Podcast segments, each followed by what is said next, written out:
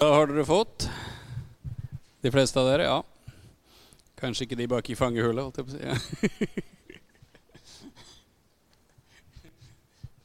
Det er fint. Yes. Um, dette er da kveld nummer tre på det som har med identitet å gjøre. Um, vært ypperlig undervisning de to foregående gangene om det at vi er elsket av Gud, som Rebekka hadde, og Vegard hadde om det å være tilgitt. Uh, I dag skal vi snakke om et nytt menneske. Um, det er jo en sånn ting som uh, Jeg vet ikke um, Det er ikke så ofte jeg leser ukeblader, men jeg leser jo overskriftene når jeg er på vei til kassa når jeg handler mat og sånn. Uh, det har liksom forbausa meg veldig hvor hvor ofte sånne ukeblader, særlig for damer, tror at mennesker trenger å bli ny. Altså. Det står så på overskrift 'Bli ny nå i vår', eller 'bli ny før'. Bli, liksom sånn, ja. uh, men det er heldigvis ikke det det er snakk om. da. Det har ikke kommet et makeup-kurs eller for å få motetips fra meg. Halleluja. Uh, det skal du være glad for. Bare spør kona mi. Mm, ja. Så som overskrift 'Et nytt menneske' og bibelverset 2. Korinterbrev 5,17.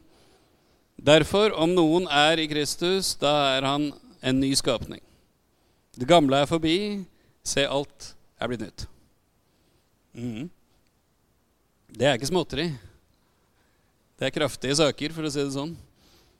Vi skal komme tilbake til det. Eh, men eh, siden det er identitet vi holder på med, så hadde jeg lyst til å begynne litt sånn Å snakke litt sånn generelt om identitet.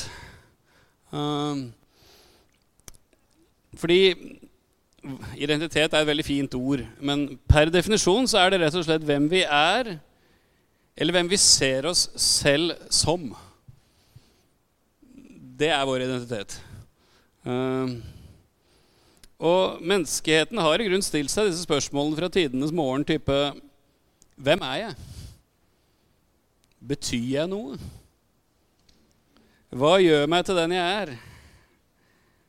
Hva er min verdi, eller kanskje enda rettere sagt, hva gir meg verdi?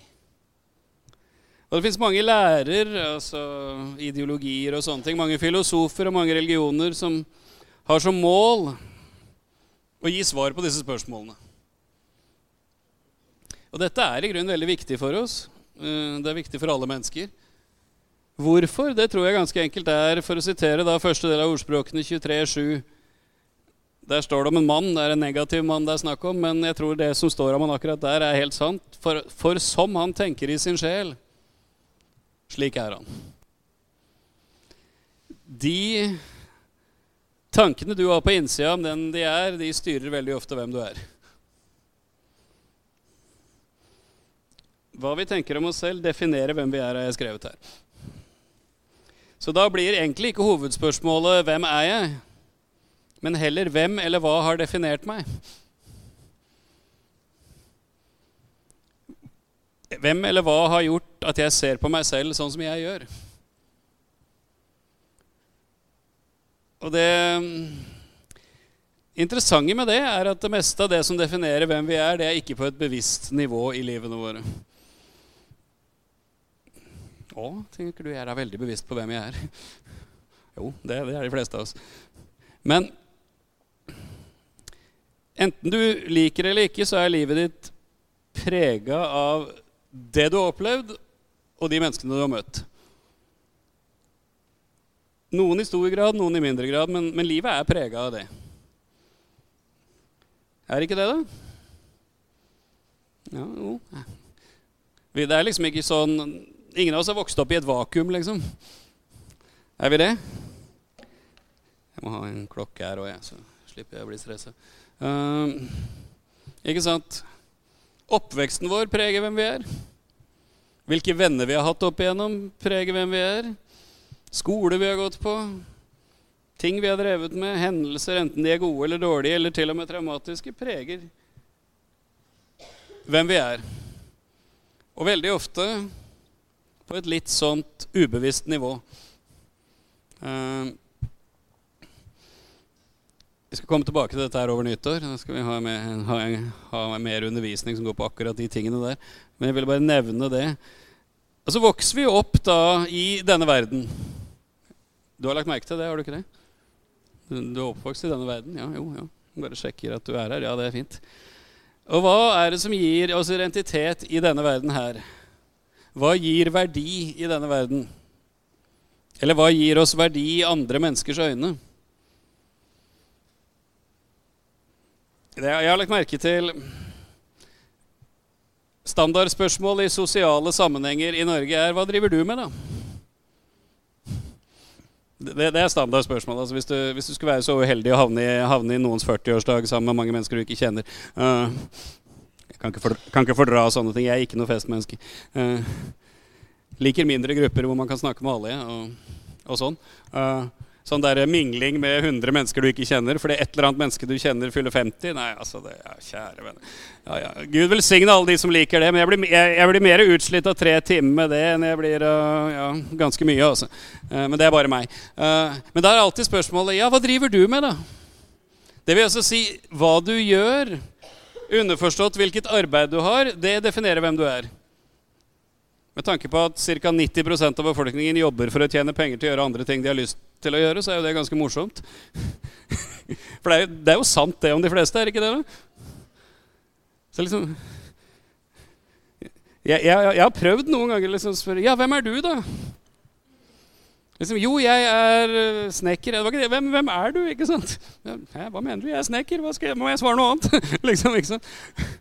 Og Derfor er det jo forferdelig trist i dette landet her da, hvis du faktisk ikke har noe arbeid av en eller annen grunn. For da må man jo forsvare det, da. ikke sant? Hvorfor man ikke er som alle andre. Sånn, sånn er det, ikke sant? Altså, I denne verden så får vi identitet og verdi gjennom arbeid, utdanning, posisjon, tittel, penger, sosial status, hvilken familie vi tilhører, osv. osv. Og felles for alle disse tingene er at det er enten noe du eller noen andre har oppnådd. Det er jo det. Det er en prestasjon av et eller annet slag, er det ikke det? Ikke sant? Altså, ta, bare fordi tilfeldigvis Trond er lærer, ikke sant? Det var ikke bare fordi Trond en dag fant ut at jeg hadde lyst til å bli lærer og gikk inn på en skole og begynte å undervise. Du måtte gjøre noe før det. sant? Ja. Det er noe du må oppnå for å kunne bli lærer. For, for å ta det eksempelet. ikke sant? Uh, hvis du skal være god i idrett, så må du nesten ha drevet med det. Liksom. Altså, altså, om du så kommer fra en fin og rik familie, så er det jo fordi en eller annen på et eller annet tidspunkt gjorde familien din fin og rik. Da. Det er en eller annen prestasjon. Og det er identitet i denne verden. Det er sånn belønningsgreier, ikke sant? Dette er jeg bra på, dette er jeg flink til. Dette dette kan jeg. ikke sant? Og hvis ikke du får til det gjennom jobben, så får du det til gjennom et eller annet annet. Da finner du en hobby eller en interesse eller et eller annet. Og så, og så bygger vi oss en identitet basert på et eller annet vi presterer. Som jeg pleier å si til bibelskoleelevene, bare ett problem med det. vet du, det er at Uansett hvor flink du er, hvis du holder på lenge nok, så møter du alltid en som er flinkere. Uansett hvor rik du er, så vil du på et eller annet tidspunkt møte en eller annen som er rikere. Uansett hvor interessant du er på et eller annet område, så vil det alltid dukke opp en eller annen som er mer interessant. Sånn konkurranse er fryktelig slitsomt, altså. Syns jeg, i hvert fall. Oi, se her. Sverre Skilbred skal ikke sende meg en melding nå når jeg har glemt å skru av lyden. Ja. Men det er nå sånn. Han er ikke her i kveld. Hvorfor? Ja, nei, vi skal ikke ta den. Nei, nei, nei. Og Samtidig så sier Paulus i Efeserbrevet kapittel 2 vers 8 og 9.: For av nåde er dere frelst ved tro. Og dette er ikke av dere selv, det er Guds gave. Det er ikke av gjerninger for at ingen skal rose seg.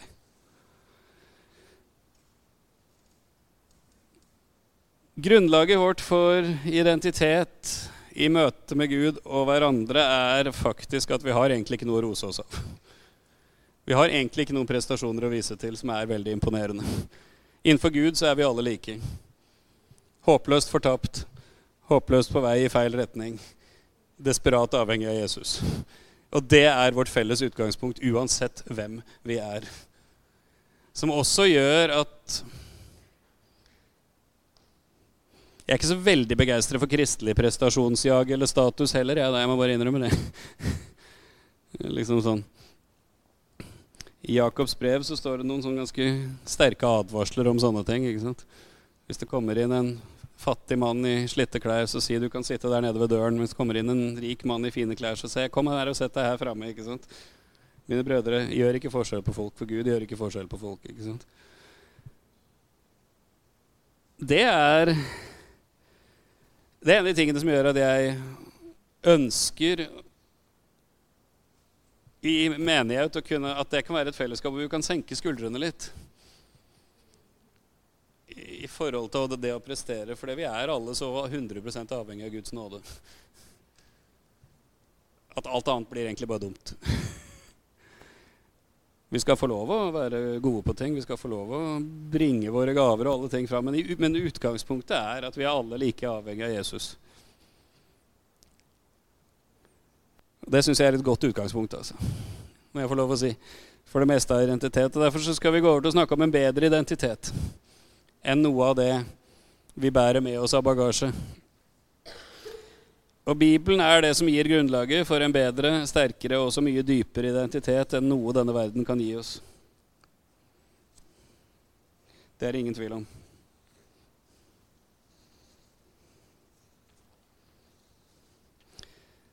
Og Det første punktet Bibelen lærer oss på hva som gir oss identitet og verdi, er det at vi er skapt av Gud. Det er kanskje ikke så sjokkerende for deg, men eh, for resten av verden der ute så kan det være ganske sjokkerende. men uh, vi er skapt av Gud. Salme 139, vers 13-16. Du har skapt mine nyrer. Du formet meg i mors liv. Jeg priser deg fordi jeg virket på forferdelig underfullt vis. Underfulle er dine gjerninger, det vet min sjel så vel. Mine ben var ikke skjult for deg da jeg ble virket i lønndom. Da jeg ble formet så kunstferdig i jordens dyp, da jeg bare var et foster, så dine øyne meg. I din bok ble de alle oppskrevet de dagene som ble fastsatt, da ikke én av dem var kommet.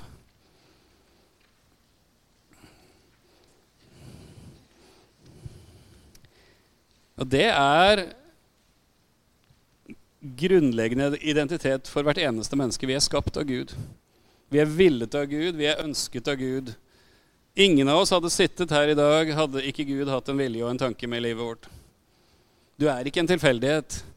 Du er ikke et resultat av milliarder års tilfeldig utvikling. Du er her fordi du er skapt av Gud. Du er ikke bare skapt av Gud, du er villet av Gud, du er ønsket av Gud. Og Så sier altså David da, altså her, 'Jeg priser deg fordi jeg virket på forferdelig underfullt vis'. Det, det, han egentlig sier, er 'Gud, jeg takker deg for meg', sier David. Og det, det, tror jeg er en ting som faktisk er verdt å gjøre. altså. Å takke Gud for deg.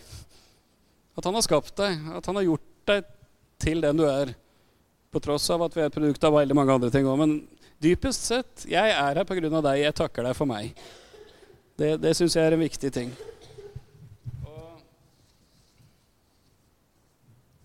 Du er ikke bare skapt som en del av skaperverket, som en av mange skapninger. Når vi leser skapelsesfortellingen i første Mosebok kapittel 1, kommer vi da til slutten, så står det da fra vers 26.: Og Gud sa, la oss gjøre mennesker i vårt bilde, etter vår lignelse. Og de skal råde over havets fisker, over himmelens fugler, over fe over all jorden, over hvert kryp som rører seg på jorden. Og Gud skapte mennesket i sitt bilde. I Guds bilde skapte han det, til mann og kvinne skapte han dem. Og Gud velsignet dem og sa til dem, vær fruktbare og bli mange og fyll jorden og legg den under dere, og råd over havets fisker og himmelens fugler og over alt levende som rører seg på jorden. Det er bare ett vesen i hele skaperverket Gud sier om La oss skape noe i vårt bilde, og det er mennesket. Gud skapte altså mennesket i sitt bilde, i sin lignelse, står det faktisk. Det vil si, av alle de vesenene som fins i dette skaperverket, så er du og jeg den som ligner mest på Gud. Det står det.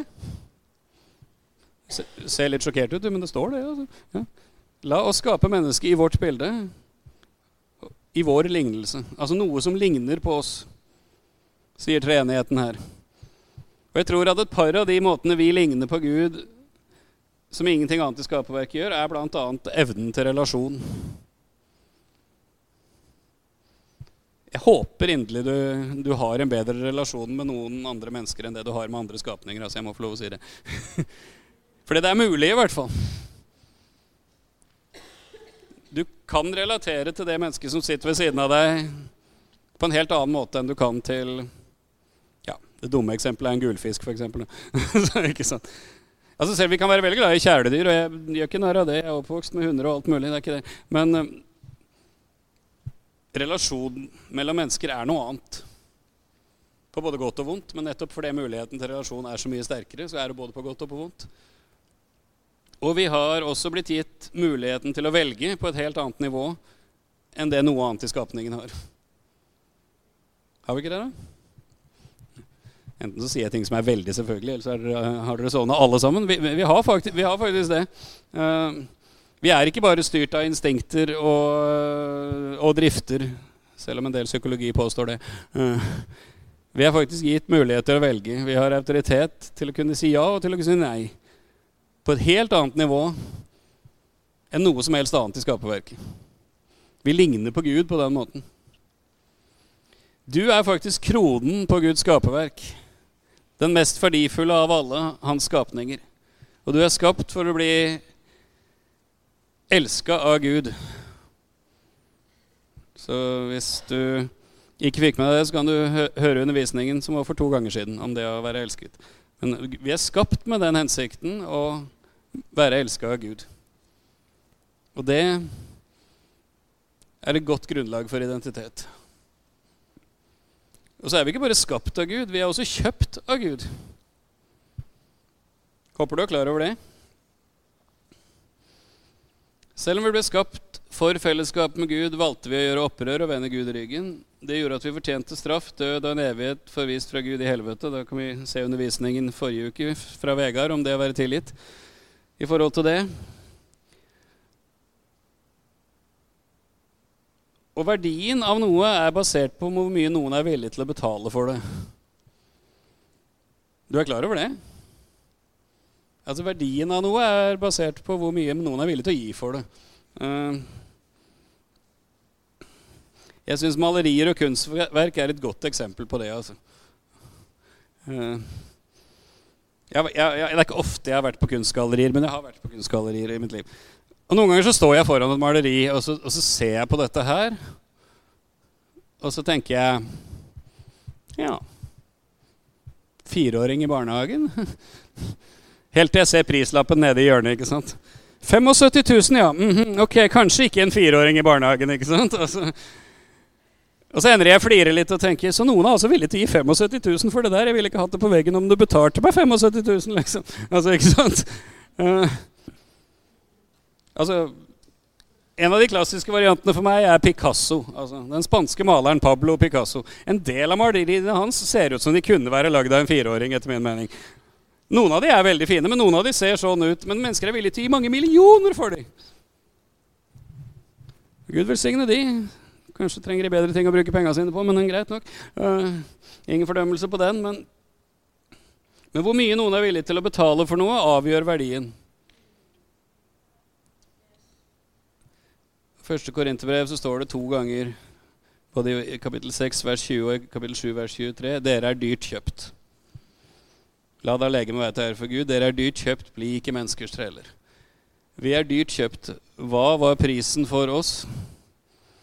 Første Peter, for dere vet at det ikke var med forgjengelige ting, med sølv eller gull dere ble kjøpt fri fra den dårlige ferd som var arvet fra fedrene, men med Kristi dyrebare blod, som blod av et feilfritt og lysteløst lam. Var ikke et lite halleluja noe sted. Nei, akkurat. din verdi er ikke satt av din oppvekst. Din verdi er ikke satt av din bakgrunn, din verdi er ikke satt av dine akademiske eller menneskelige prestasjoner, hvor god du er på idrettsbanen, hvor mange penger du har på kontoen, hvor stort hus du har. Din verdi er satt ved at Gud skapte deg, han frelste deg, og Jesus har betalt prisen for deg for at du skulle få komme hjem igjen. Det er grunnlag for din og min verdi. Det er et godt grunnlag, spør du meg, for verdi og identitet. Det sterkeste og dypeste beviset på din verdi og identitet er at Jesus ga sitt liv for deg.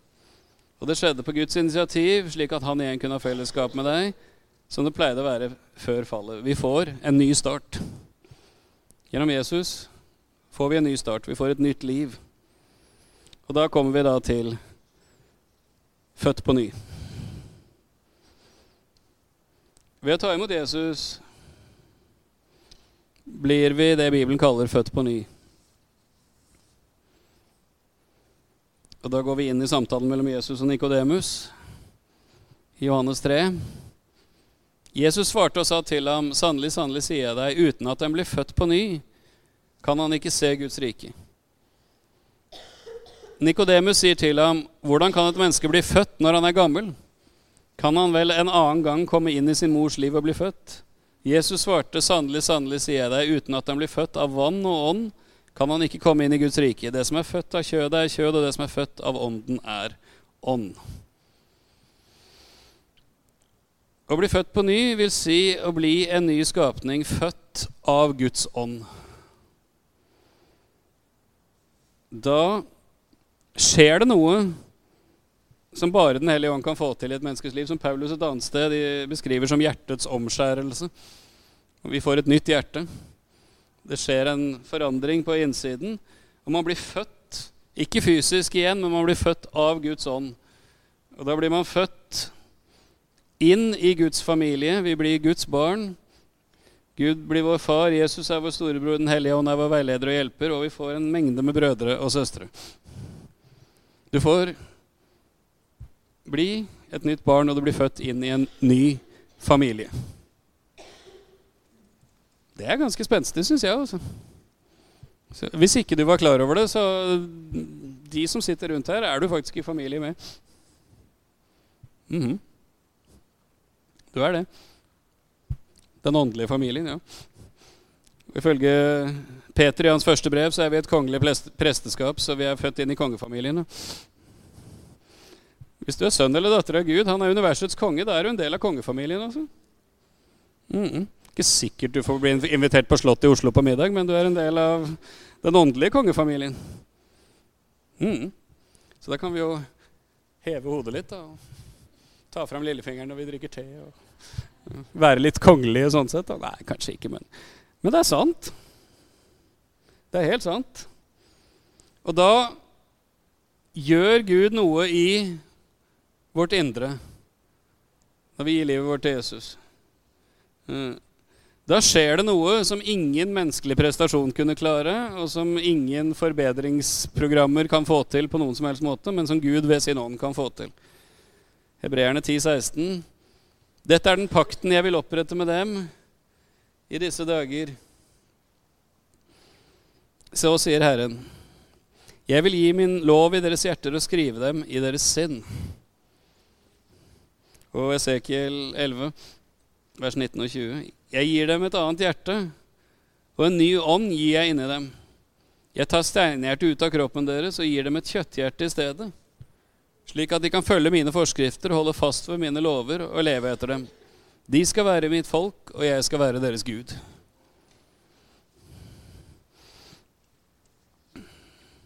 Det vil altså si at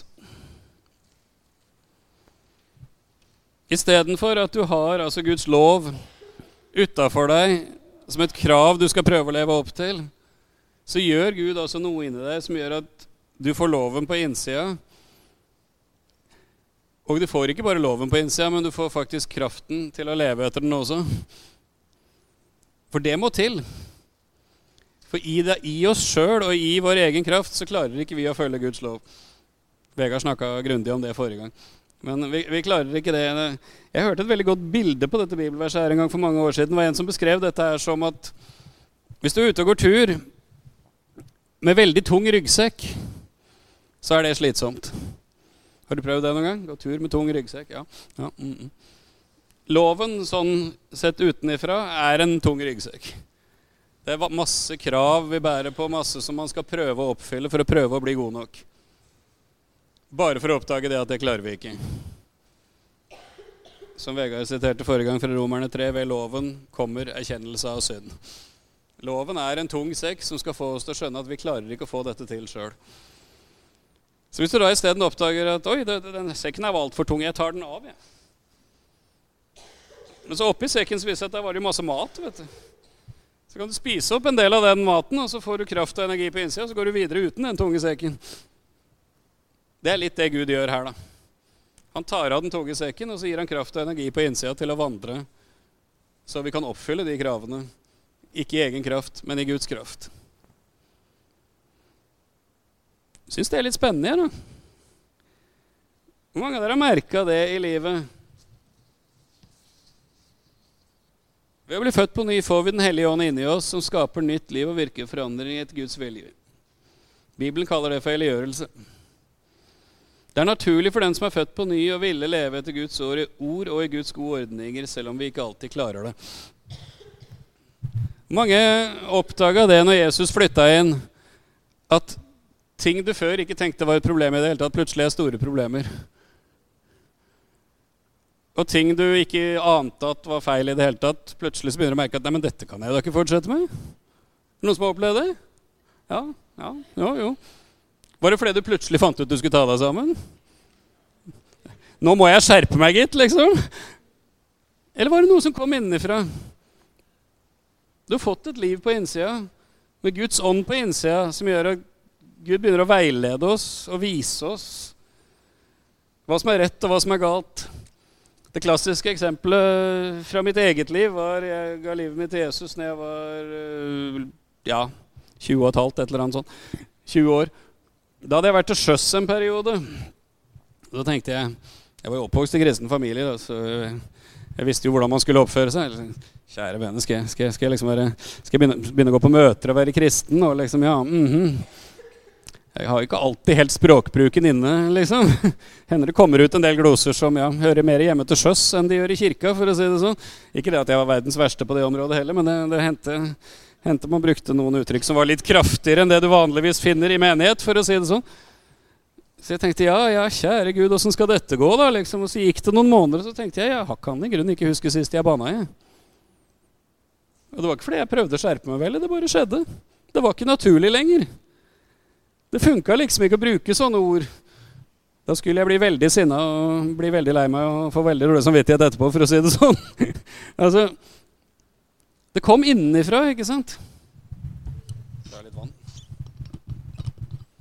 Og for meg så er det der veldige tegn på om et menneske er født på ny.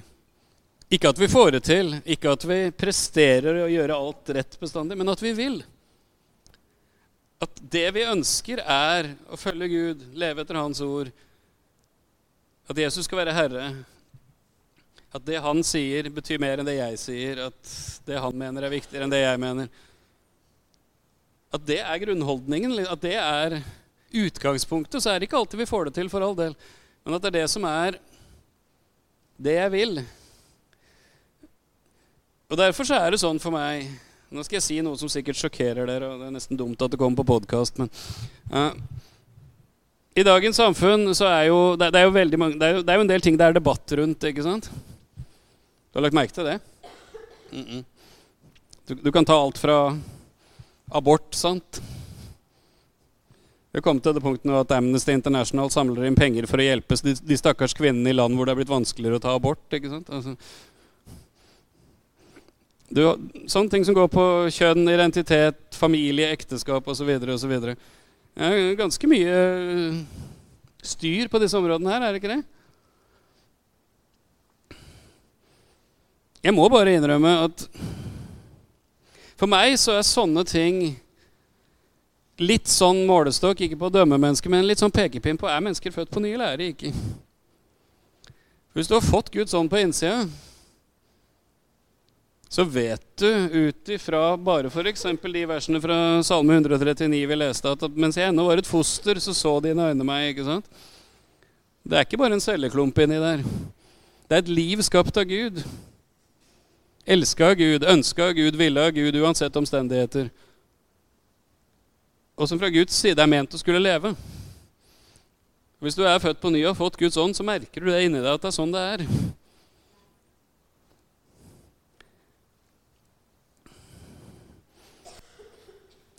For en god del år siden husker jeg altså, en, Han begynner å bli gammel nå, men det var en evangelist som heter Svein Magne Pedersen.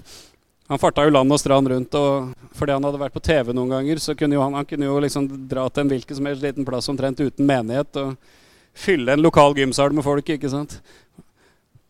Og Da husker jeg et eller annet sted oppe i Østerdalen, ikke akkurat det mest kristelige området av Norge, så var det ei dame som ble frelst. Hun var ordfører for Arbeiderpartiet i den kommunen. Jeg leste vitnesbyrdet hennes i bladet til Svein Magne Pedersen. Det var litt sånn før internett. Så tenkte jeg ja, ja, dette blir jo spennende å se. Tenkte jeg. Gikk det seks til ni måneder, så kom det på nyhetene at Arbeiderpartiet-ordføreren i denne kommunen eh, hadde meldt seg ut av Arbeiderpartiet. Og ønska ikke å representere Arbeiderpartiet i kommunestyret lenger. Bl.a. pga. at hun kunne ikke stå for den abortpolitikken som partiet førte. Ja, Hvordan kom du fram til det? da? Nei, det var bare å lese Bibelen, det, sa dama. Ja, det var det, ja. ja. Ikke sant? Altså Jesus sa, 'Har dere ikke lest at skaperen, han som skapte dem, skapte dem fra begynnelsen av til mann og kvinne?' Derfor skal mannen forlate sin far og sin mor og holde seg til sin hustru. ja. Og de to skal, være ett. ja. Noen sier ja, men Jesus sa aldri noe om homofili. Nei, han trengte jo ikke det. Han sa alt han trengte å si akkurat der. Fra begynnelsen skapte Gud det til å være mann og kvinne. Og de to skal være ett. Og det er også de eneste to som kan være ett i Guds øyne. Men ikke forvent at alle mennesker der ute skal skjønne det. Men hvis du er født på ny og har med Guds ånd å gjøre, så skjønner du at det er sånn det skal være. For det Guds ord sier at det er sånn det er. Guds ord og Guds ånd vitner sammen om at det stemmer. Så får vi bli så upopulære vi bare vil i samfunnet sånn ellers, da. Det er bare sånn det er. Og vi skal også ha den tilliten også på de områdene hvor kanskje vi tenker at livet ikke alltid er sånn som vi vil at det skal være. At Guds ånd bor i oss og faktisk jobber i oss. Og driver og forandrer oss. En av poengene med at vi er en ny skapning, er at Gud ifølge Paulus i Filippebrevet virker i oss både å ville og å virke til hans gode behag. Altså Gud driver og jobber med oss. Vi er ikke ferdige ennå. Er vi det? Jeg er ikke det, i hvert fall. Kan godt være du er, men jeg er ikke ferdig ennå. uh, men fordi vi er i en sånn prosess På den ene sida så er vi ren og rettferdig, elsket, hellige i Jesus. Og på den andre sida så driver Gud ved sin ånd som må flytte inn i oss og jobbe fram i oss, sånn at det livet vi lever her nede, skal ligne mer og mer på det livet Jesus ga oss. ikke sant? Altså Det skal bli fra innsida og ut. ikke sant? Uh, og da fins det jo et par sånne klassiske teologier, ja, grøfter, som kristne ofte havner i. da. Som jeg har tatt med her. da Jeg har henta et par ord fra Arild Edvardsen som jeg syns er veldig gode. Det ene er da, det første punktet er da det som kalles elendighetsteologi. Det høres positivt ut, ikke sant? Eh, jeg er en synder frelst av nåde, og stakkars arme meg, jeg kan aldri bli bedre. Gud, se i nåde til meg, og takk og lov at det hjemad går, for her er det bare helt forferdelig, altså. Det var en jeg kjenner som sa det. Jeg vokste opp på et bedehus hvor hele poenget med vitnesbyrdene var å fortelle hvor forferdelig alt var. Og den som kunne fortelle det mest forferdelige, det, det, det syns alle var best, liksom. ikke sant? jo da, livet kan være forferdelig, men da har vi glemt han som kom midt i all den elendigheten. Da. For å gi oss et nytt liv. For å føde oss på ny, for å gi oss sin ånd, og for å ta oss videre. Og både lege oss og sette oss fri fra alt mulig. Men på den andre sida har du det Arild Edvardsen kalte forstrekkelsesteologi. Ehm, eller som han også sa, du vet, noen lover mer på Guds vegne enn det Gud har tenkt å holde. Eh, og det er den der Alt er nytt. Jeg har aldri et problem. Jeg lever i 100% seier hver eneste dag. Hvis det skjer noe vondt eller dumt, så skjer det med alle andre. Det skjer aldri med meg. Og hvis det har skjedd med deg noen gang, så er vel det fordi du ikke helt har grepet troen. Har du det da, søster eller broder? Hm? Jaså, har du et problem, du? Sliter du med noe? Har du, Vet du ikke hvem Jesus er, eller? Hm? Hm? Hm? Har du vært borti noen sånne? Det er 100 sant at vi er en ny skapning, og vi er født på ny, og vi har fått Guds ånd. Men det er også 100 sant at Gud jobber i oss og driver og forandrer oss. Og vi må ha med begge deler. Var en som sa det en gang, at uh, Gud elsker oss akkurat sånn som vi er, men han elsker oss så høyt at han har ikke tenkt å la oss forbli som vi er. og takk og lov for det. uh, problemet med den der forstrekkelsesgreia er jo det at det, det skaper miljøer hvor det ikke er lov å ha problemer. Og hvis det ikke er lov å ha problemer, så har du jo ikke lov å få hjelp med problemene dine heller. da. Vil si, Da skaper vi fasadekristendom hvor alt er helt halleluja og fantastisk, og så går vi hjem og lurer på hvorfor ting er fælt. For Vi kan jo ikke sette ord på det som er vanskelig overfor noen, for da, da, har vi jo problemer, og det skal vi jo ikke ha. Ja, Hvis noen har lyst til å høre mer om det, kan de høre talen min fra forrige søndag. Ikke noe sist, men gangen før. Da snakka jeg litt om det. Men begge de der gjør enten det er elendighetsvarianten eller forstrekkelsesvarianten, at man lever et liv uten å få oppleve fylden av det Jesus har gjort for oss. For det, enten så er alt bare elendig, og det er ikke håp om forandring, eller så må jeg late som alt er mye bedre enn det er. Og ingen av delene funker, altså. Gjør det det, da? Altså, vi skal ikke Vi skal ikke tenke at problemer er fint. det er veldig bra problem. Vi skal tenke at det fins en som har betalt prisen for alt sammen, og som ønsker å hjelpe oss med ethvert problem. Og Ifølge Jesus så, så, sa han til disiplene i denne verden har dere Hva sa han? I denne verden har dere sydenferie hele tida? Nei. I denne verden har dere trengsler. Det er en pris å betale for å leve i denne verden. Denne verden ligger i det onde. Det, det, skjer vonde ting selv med gode mennesker i denne verden. Men vi har en som er enda bedre. For det neste Jesus sa, var men vær frimodig, for jeg har overvunnet verden. Men vi må klare å ha, begge to, to, tanker i huet samtidig. Ellers blir alt bare elendighet fordi vi lever i denne verden. Eller så later vi som vi ikke lever i denne verden. Og ingen av delene funker. Jesus kom inn i denne verden. Han sendte sin ånd inn i denne verden for at det skulle skje forandring med oss i denne verden. Amen? Halleluja. Halleluja.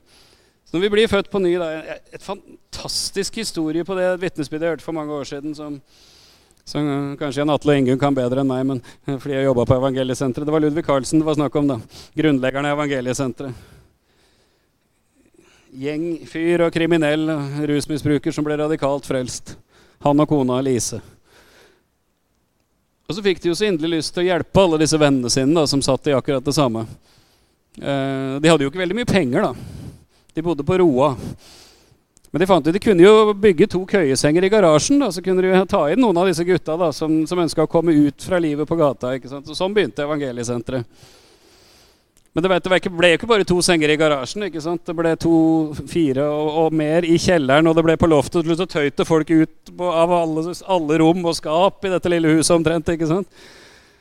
Så de fant ut det vi må, kanskje vi, Enten må vi prøve å få kjøpt oss noe større, eller så må vi i hvert fall få bygd på dette huset. da. Så Ludvig Carlsen går i banken for å høre om et lån. Ja, Carlsen, sier bankmannen. Har du noe arbeid da, Carlsen? Nei, han hadde vel egentlig ikke det. Ja, har du noen referanser da, Carlsen? Nei, han hadde vel egentlig ikke det heller, da. altså, ja, Har du noen som kan kausjonere for deg, da? Ja, Det visste ikke Carlsen hva var, men hva mener du med det? Jo, om det var noen som kunne være med å garantere for dette lånet. Jo, men det skulle han kunne skaffe. Ja, hvis du kan skaffe meg mellom fem og ti mennesker som kan være med å kausjonere for dette lånet, sa bankmannen, så skal det være greit. Men de Ludvig kjente, var jo disse her nyfrelste rusmisbru tidligere rusmisbrukerne. da, ikke sant?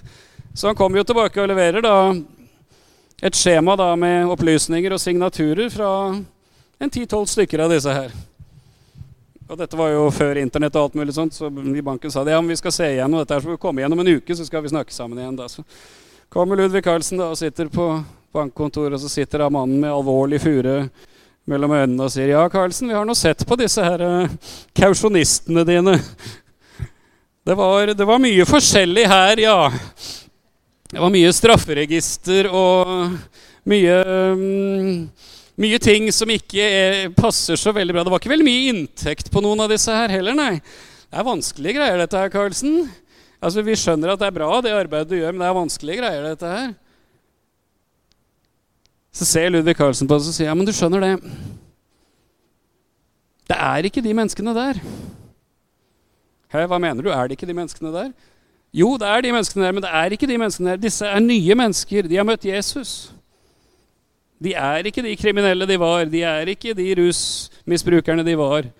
De er født på ny, de har fått et nytt liv, og de ønsker å bruke det livet for å hjelpe andre til å følge Jesus.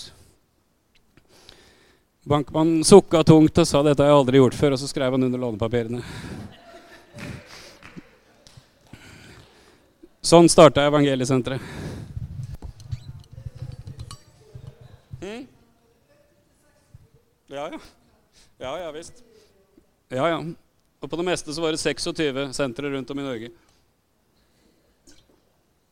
Som en gammel eldstebroder i pinsemenigheten på Roa, gamle Wilhelm Lykkås, sa du skal ikke forakte den ringe begynnelse. Han snakka litt sånn fint. Han. Da Ludvig kom til Roa, hadde han 20 kroner og en garasje. I dag får en millioner over statsbudsjettet. Ja, det er sant.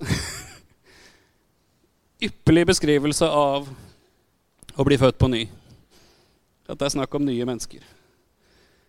Og ikke bare blir vi nye mennesker, men vi kommer inn i et nytt rike. Det er også halleluja. Ja, takk, André. Punkt 7.5 et nytt rike. Kolosserne 1.1. Han er den som fridde oss ut av mørkets makt og satte oss over i sin elskede sønns rike. Vi blir ikke bare født inn i Guds familie, men også inn i Guds rike. Den nye skapningen får også et nytt statsborgerskap. Guds rike er et rike ulikt alle andre riker. Det er ikke et fysisk rike, men et åndelig rike. Vi tar det med en gang. Lukas 17. Da fariseerne spurte han om når Guds rike skulle komme, svarte han dem og sa Guds rike kommer ikke på en slik måte at han kan se det med øynene. Heller ikke skal de si 'se her' eller 'der' eller 'er det'. For se, Guds rike er inni dere. Du blir født på ny, du får Guds ånd, så flytter Guds rike inn. Da er du blitt innbygger av Guds rike, og Guds rike bor i deg. Og da er det faktisk sånn at på samme måten som Jesus kunne si, og lærte disiplene sine å si, kan du si Guds rike har kommet nær til dere. Når du kommer. Fordi Guds rike bor i deg. I hvert fall ifølge Jesus. Det er vel han vi tror på, er ikke det? da? Så vi får tro at han mente det han sa. ja. Vil si, du er bærer av Guds rike. Det samme Guds rike med de samme kreftene som virka gjennom Jesus når han gikk her nede. For det skjedde gjennom Den hellige ånd. sant? Det samme Guds rike og det samme Guds rike-kreftene gjennom Den hellige ånd kan og vil virke i og gjennom ditt og mitt liv. For dette riket er litt av en greie, da. For, som jeg har skrevet der, Dette rikets ressurser er tilgjengelig for oss og i og og gi oss gjennom Den hellige ånd faktisk på samme måte som det Jesus. Det var for Jesus når han var på jorden. Guds rike består jo ikke i mat og drikke, men i rettferdighet og fred og glede i Den hellige ånd, sier Paulus. Det er mye fint der. Rettferdighet i Den hellige ånd er veldig bra. Fred fra Den hellige ånd er veldig bra, er det ikke det? Glede i Den hellige ånd er veldig bra. Noen lurer på det noen ganger, vet du. Jeg syns det er så rart på møtet hvis noen begynner å le og sånn. Er det noen som sier ja? Har du noen gang tenkt over hva glede i Den hellige ånd ser ut som?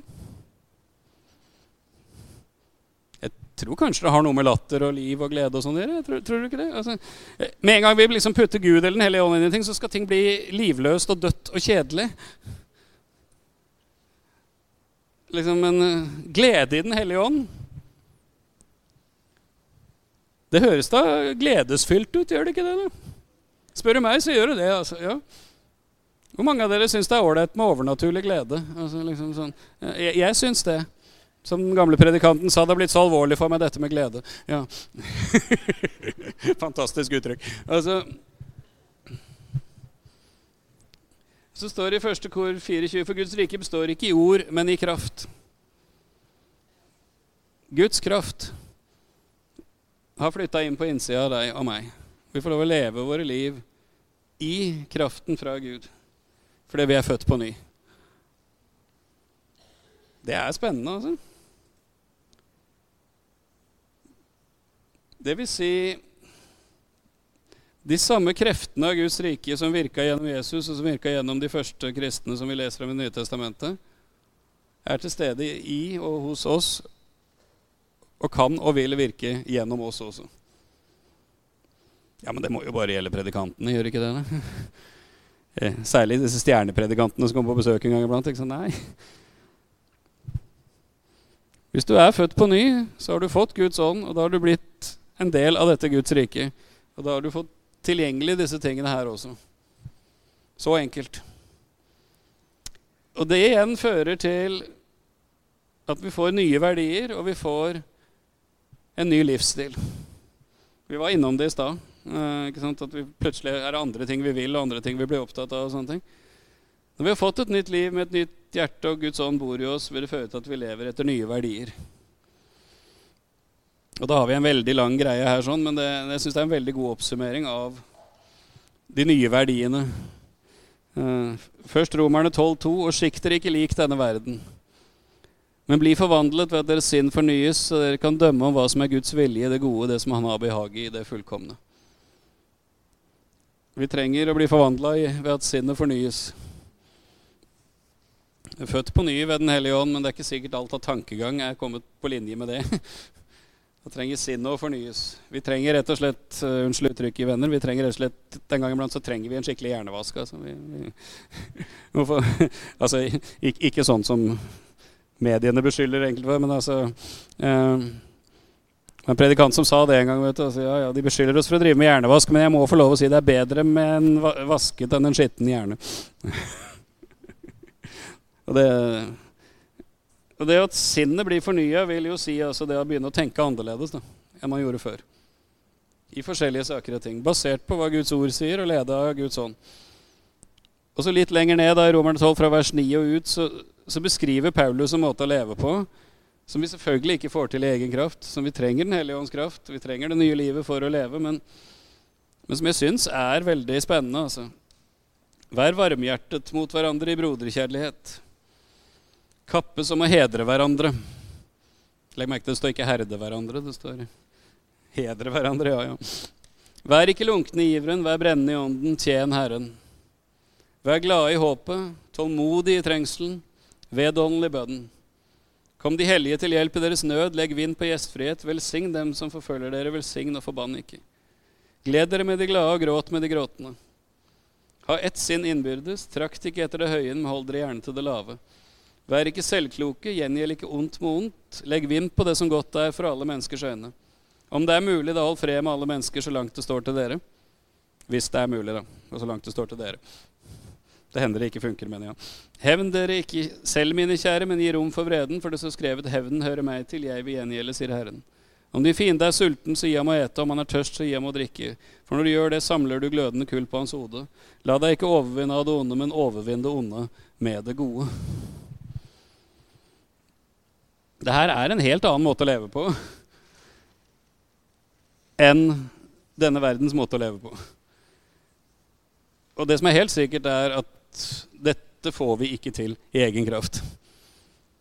Bare prøv. Det, det, det, funker ikke.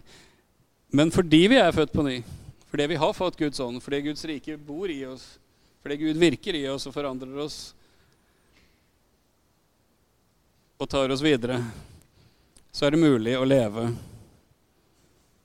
med Guds ånd og med kraft fra Guds ånd i disse tingene på et helt annet nivå enn det vi klarer hvis vi bare prøver å ta oss sammen. Fordi vi er nye skapninger. Vi har en ny identitet. Og den skal få lov å prege livene våre på en helt annen måte enn alt som var fra før. Amen? All right. Det var det, tror jeg. Ja.